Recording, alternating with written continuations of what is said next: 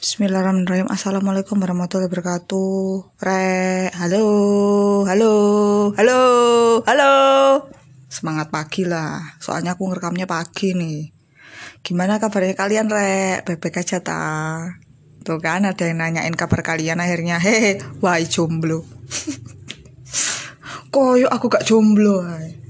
Loh tapi aku jomblo bermartabat lah aku jomblo bermartabat yo. Jangan salah. Iso ya aku rapi sih sombong sombong. Iso ya aku nerimo sih aku sombong banget ya ya, ya. sanggeng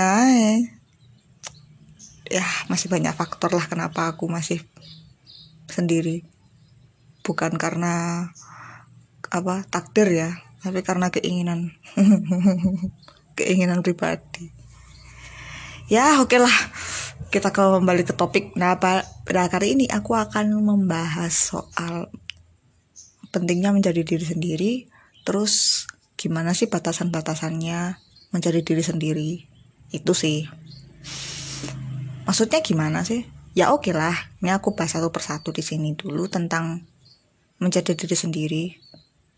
Nah, bahasa peketnya kalau pakai bahasa Inggris, be myself, menjadi diri sendiri. Kenapa? Ya penting banget lah. Sekarang gini loh, kalau nggak jadi diri sendiri, berarti kita pakai topeng dong. Nah, pakai topeng kan engap. Kamu nggak bisa bernafas dengan bebas.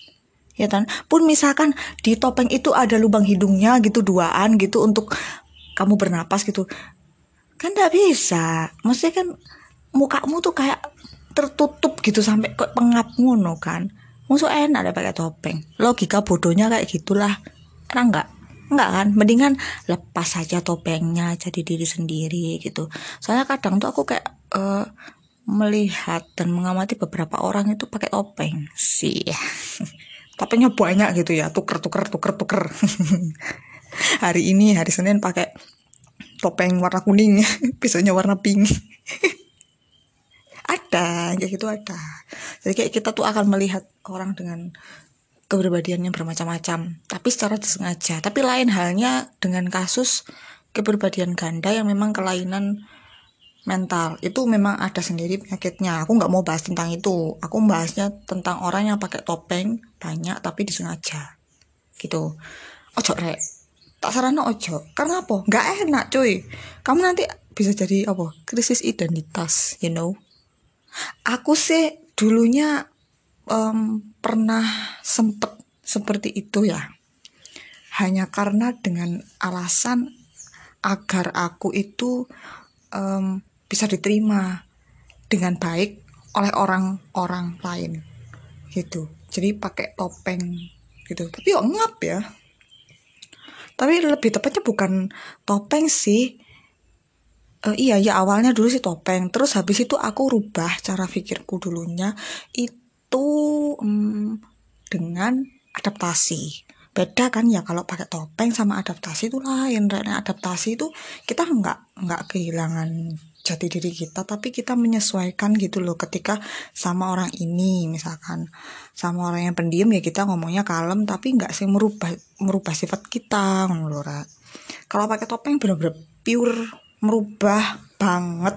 Sampai kadang itu orang yang banyak topengnya tuh akan krisis identitas sendiri. Bingung dia aslinya sejatinya tuh kayak gimana gitu. Tapi um, kayak orang-orang yang semacam bisa lihat atau yang kayak semacam psikolog itu pasti tahu lah kalau mereka tuh punya banyak topeng. Pada kenyataannya orang kayak gitu tuh bingung lah malah kasihan cara aku.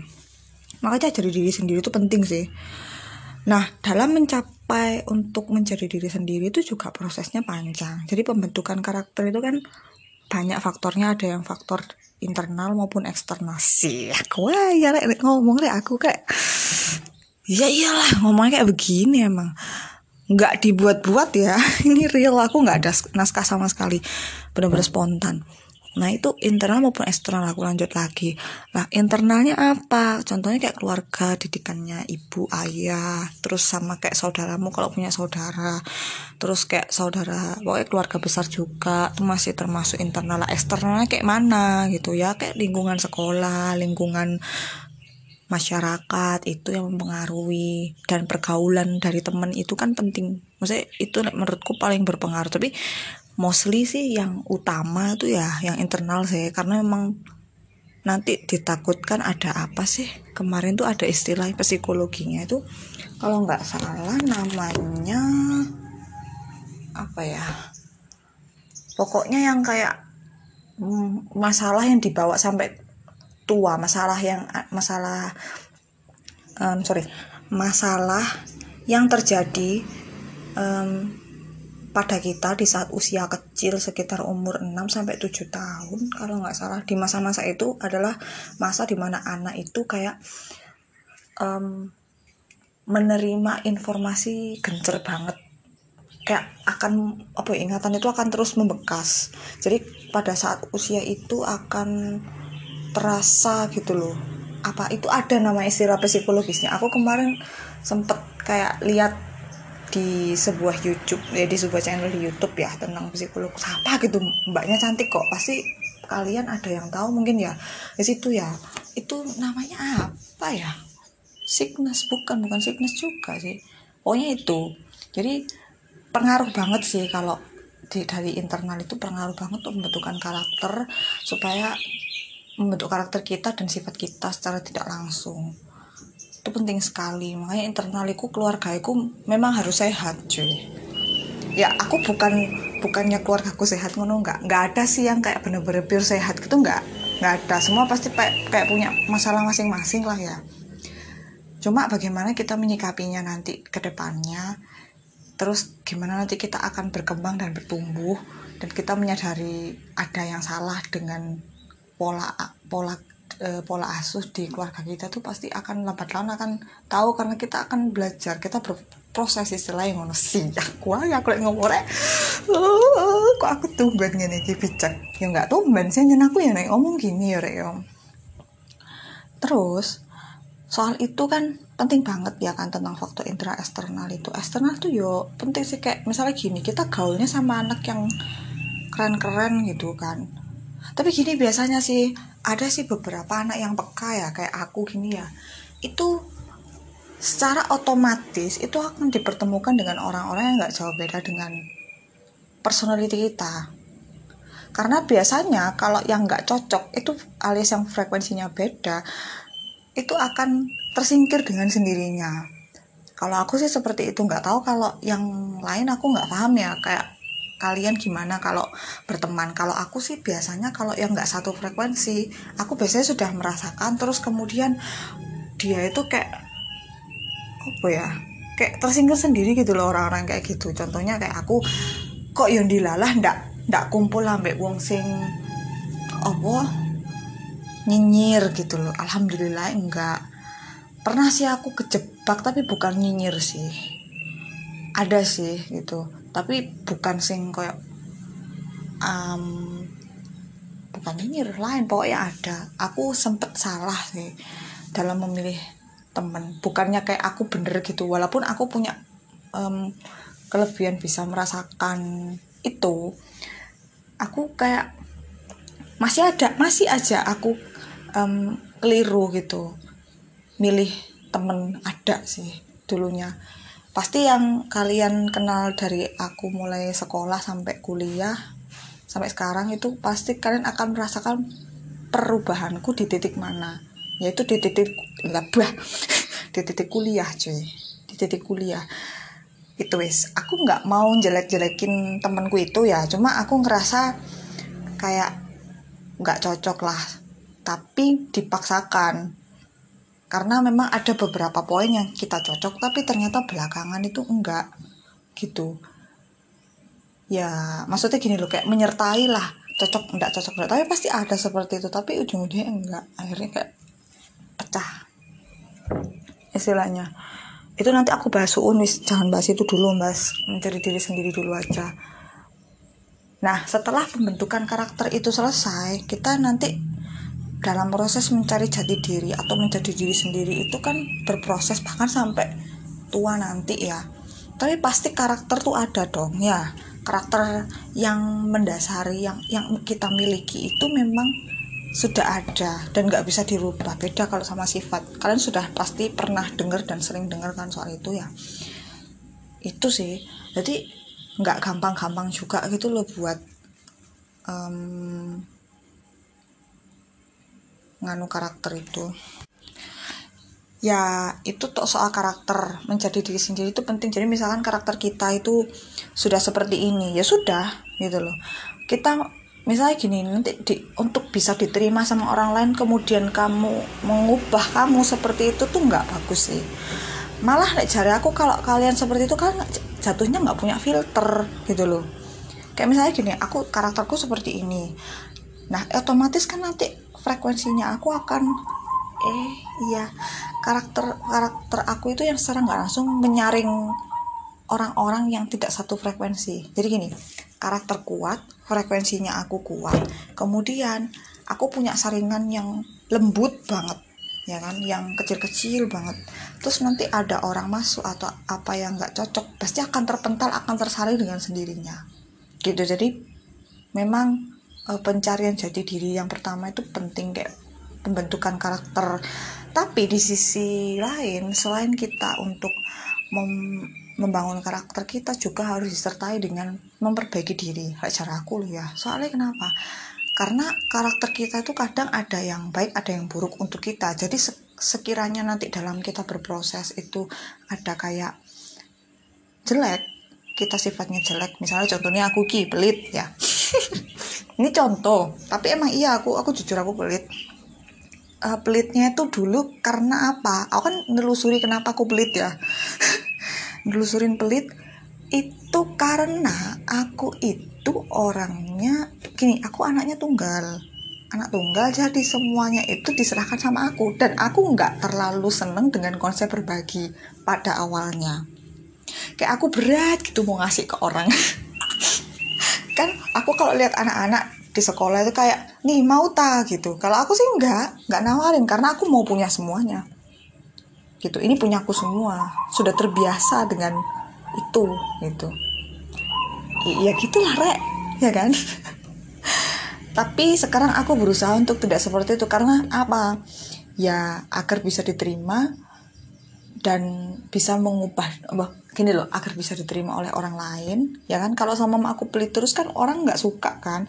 Dan yang kedua untuk mengembangkan diriku menjadi lebih baik lagi. Jadi ada kalanya kita itu bukan kayak mengubah jadi diri kita itu bukan. Tapi untuk memperbaiki jadi diri kita itu perlu. Jadi mempertahankan dan mengubah menjadi lebih baik gitu loh. Sampai di sini paham jadi bukan merubah loh bukan merubah apa menjadi orang lain gitu tidak. Tapi kita tetap mempertahankan um, jati diri kita namun kita juga mengubahnya ke arah yang positif. Jangan sampai ke negatif gitu ya kan? Ya itu rek. Jadi um, menjadi diri sendiri ya kan? Memperkuat jati diri kita kemudian mengubah menjadi lebih baik lagi. Belajar terus karena manusia selama hidup itu terus belajar. Sampai tuwek sampai kon baru le kuis gak napas gak belajar. Nggak iso belajar maning. Ya tuh pindah alam. Nah itu rek.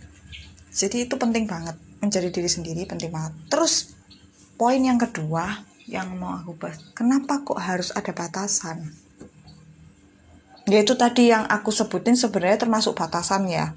Menjadi diri sendiri itu penting ya kan? Asalkan kita tahu batasan yang aku sebutin tadi. Jadi kayak harus mempertahankan dan juga untuk mengubah menjadi lebih baik. Dan batasannya apa? Jangan sampai jadi uh, yang negatif ke arah negatif berubahnya itu. Jadi misalkan gini kalau sama itu itu kan sifat yang tadi itu yang aku sebutin tadi sifat pelit ya tapi itu bisa dirubah. Ada beberapa karakter yang tidak bisa dirubah eh, eh, yang bukan bukan beberapa ya. Karakter memang tidak bisa dirubah seperti yang aku main tadi tuh. Terus lanjut yang ke batasan-batasannya gimana sih? Misalnya um, aku kasih contoh aja ya. Boleh sih kita jadi diri sendiri blak blak belakan gitu ya. Apa adanya gitu kita showing ke orang-orang boleh Aku juga seperti itu. Aku lebih baik menunjukkan diriku yang asli ke orang-orang seperti ini. Aku nggak peduli nanti siapa yang mau menerima aku atau tidak. Nanti akan ke filter sendiri. Pasti ada kok yang cocok sama kita atau temenan sama kita. Itu. Tapi pun kita jadi diri sendiri itu harus punya batasan dalam artian apa? Kalau menurutku ini opiniku ya silahkan nanti kalau um, ada sanggahan mungkin bisa dibahas di komentar atau apa nanti silahkan. Nah itu kalau menurutku batasan itu adalah kita boleh jadi diri sendiri asalkan asalkan kamu nggak berlebihan. Karena yang aku bilang di segmen-segmen sebelumnya yang berlebihan itu kan nggak bagus. Apa pun eh, apa pun walaupun baik sekalipun juga nggak nggak bagus sih. Ya kan? Itu yang tak bahas di ceritaku novel itu esensinya juga sama nggak jauh beda seperti itu esensinya. Karena yang berlebihan emang nggak bagus kita berat sebelah nggak bagus. Ya kan? Harus imbang. Sia the power of libra. My zodiac. Jadi juga berlebihan juga. Misalnya kamu alay nih kayak aku ya alay. Boleh alay tapi pada tempatnya. Harus tahu situasi dan kondisi. Soalnya aku dulu pernah ya dapat protes dari temenku kayak kamu tuh jangan alay-alay intinya gitu. Apa ya karena aku tuh kadang kurang bisa menempatkan. Jadi di saat serius temanku serius malah aku guyon. Aku sering sih gitu. Dulu pas SMA terus habis itu malah ya jadi masalah seperti itu. Jadi boleh jadi diri sendiri. Kayak misalnya alay boleh cuma harus pada tempatnya. Jadi yang aku maksudkan batasan itu itu ya. Penting sekali karena ini penting banget. Aku apa ya memang uh, punya batasan tersendiri untuk diriku sendiri yang aku sebutin tadi. Contohnya aku anaknya lebay ya wis pada tempatnya aja tergantung. Jadi kita mengadaptasi aja gitu loh sama kalau kita interaksi sama orang kalau orang yang nggak terlalu senang sama yang alay ya udah kita adaptasi aja kita ngerem gitu. Tapi nggak mengubah kita menjadi orang yang sama-sama pendiam. Misalnya kita interaksi sama orang pendiam dan orang pendiam itu nggak suka sama kita yang alay kita jangan sampai berubah juga. Biasa aja gitu dibikin biasa. Nggak sing mengikuti dia jadi pendiam nanti kamu krisis identitas loh kalau kayak gitu macak pendiam enak nggak? Nggak enak kan? Ya udah kamu temenan sama dia sewajarnya aja menurutku sih. Kalau kamu nggak nyaman ya udah temen biasa. Kamu kan punya space sendiri toh punya saringan sendiri. Karaktermu itu yang jadi saringanmu. Ya toh? Nggak apa-apa kalau sama kita. Kita loh nggak dituntut untuk cocok sama semua orang. Ya kan? Karena pada dasarnya kita tuh kan beda-beda punya karakter. Yang penting apa? Satu saling menghargai itu aja sih. Pentingnya di situ sih saling menghargai walaupun kita berbeda-beda tapi kita tetap satu sih ya. Tetap ber apa ya saling menghargai. Karena orang ndak ndak semuanya sama plak plak gitu ndak ada yang mirip sama kita kecuali mungkin kembaran kita. Aku nggak paham ya kalau konsep ke kembaran jiwa tuh aku nggak nggak terlalu ngerti aku. Ada sih konsep namanya konsep kembaran jiwa. Jadi di dunia ini kita punya kembaran gitu loh cuy kayak bagai pinang dibelah dua. Kita persis banget sama orang itu. Tapi itu belum tentu jodohnya kita cuy. Katanya sih. Katanya seperti itu. Bisa jadi itu jodohnya kita. Ya kalau pas di apa dibelah dibelah dua itu ternyata nanti kita bakalan jadi entah jadi kakak entah jadi adik entah jadi siapa itu kan nggak tahu. Kalau jadi pasangan biasanya jarang. Setauku Kayak kemarin aku pernah dibilangin sama temenku seperti itu. Ada sih kembaran jiwa gitu. Nanti coba kalian searching sendiri. Aku sih sudah riset ya, sudah cari tahu. Tapi aku sih belum dapet bukti yang konkret lah. Aku masih nggak yakin kalau ada kembaran itu. Nggak sih. Itu kayaknya lebih ke level up deh. Anak-anak yang punya kemampuan khusus yang tahu kayak gitu. Nah aku sih gak. Aku cuma kayak punya kemampuan sensitif terhadap frekuensinya orang sih ya kayak sama mama aku sama orang ini. Bakalan nggak nggak cocok itu. Ternyata benar tapi bukan sugesti loh ya lain. Jadi ada kayak perasaan yang aku ceritain di segmen sebelumnya tuh gini. Kayak aku benci banget sama cewek yang aku eh cewek yang disukain sama cowok yang aku sukain. Ya apa ya? Gini gini loh aku suka sama cowok. Lah cowok itu suka sama cewek. Lah aku nggak seneng sama cewek itu. Tapi sebelum aku tahu mereka berdua sebelum aku kenal mereka berdua pas aku ketemu sama cewek ini itu aku sudah benci gitu loh. Aku kan udah cerita di segmen sebelumnya ya bagi yang dengerin mulai awal podcastku pasti udah tahu cerita ini. Iya itu. Jadi kayak seperti itu. Aku nggak kenal apa apa aku belum kenal apa apa baru ketemu sama dia pertama kali biasanya seperti itu ya itu sudah ada perasaan dongkol, benci. Eh ternyata di masa depannya kejadian. Padahal aku nggak kenal sama dia, cuma baru pertama kali ketemu di angkot tuh perempuan. Siapa sih nih orang kok gue benci pengen nampar gitu. nggak nampar sih, maksudnya kayak sebel gitu loh lihat mukanya kayak apa kenapa ya ternyata di masa depan gue nggak suka sama dia karena ternyata tuh cewek adalah cewek yang disukain sama cowok yang aku sukain nah repot kan tuh rumit sih. Sampai sekarang aku dongkolnya. Soalnya si cowok yang aku suka itu nyebelin pamer melulu gua sebel gitu. Pingin ku caplok aja rasanya. Itu sih intinya ya. Jadi seperti itu kira-kira penjelasannya. Semoga kalian paham. Mungkin sampai di, di sini dulu ya ya. Aku nggak panjang-panjang aku mau mandi soalnya. Udah jam berapa ini? Aku mau mandi. Aku mau siap-siap uh, untuk berangkat. Ya nanti sih agak masih akan nanti tapi aku mau berangkat lah. Nggak sih nggak nggak nggak berangkat sekarang. Masih nyiap nyiapin dulu masih ngerjain sesuatu dulu di rumah. Habis itu baru berangkat. Karena kan jamnya fleksibel. Nggak sih nanti agak siangan aja wis ya udah segitu dulu. Semoga kalian paham maksudku penjelasanku. Kalau ada yang bingung mohon ditanyakan lewat PM boleh. Ya di sosial media aku juga banyak sih. Um, sosial media aku namanya aduh disebutin nggak ya nama asliku? Gampang wis ya nyebutin nanti ya. Kan di sini ada fitur ini private message. Kalian private message aja. Terus kalau yang mau duet wawancara bisa kan? Pakai podcast bisa gabung itu loh apa sih namanya? Ada kok itu ya? Yang aku udah bilang sebelum sebelumnya kan. Yang mau collab sorry. Nah, yang mau collab boleh silahkan. Aku sangat sangat menerima. Semoga kalian betah di podcast ini. Jangan lupa untuk ikuti terus podcastku selanjutnya. Aku punya segudang topik menarik lainnya yang mungkin bakal aku bahas dalam waktu dalam waktu dekat tapi tidak janji. Ya aku sangat berterima kasih sama kalian yang udah bersedia muter uh, siapa pun dari mana pun entah dari pod, uh, podcast mana pun aku sangat berterima kasih. Kalau kalian berkenan untuk mendengarkan ini seneng rasanya kalau ada yang dengerin. Kalian penyemangatku jangan lupa komen. Terus ikutin terus. Aku nggak nggak henti-hentinya ngingetin itu lagi Terima kasih ya buat yang ikutin aku sampai sejauh ini. Dan yang baru, ya semoga bisa betah. Oke, terima kasih. Sudah segini dulu ya. Aku pamit. Sampai jumpa di next podcast selanjutnya. Assalamualaikum warahmatullahi wabarakatuh.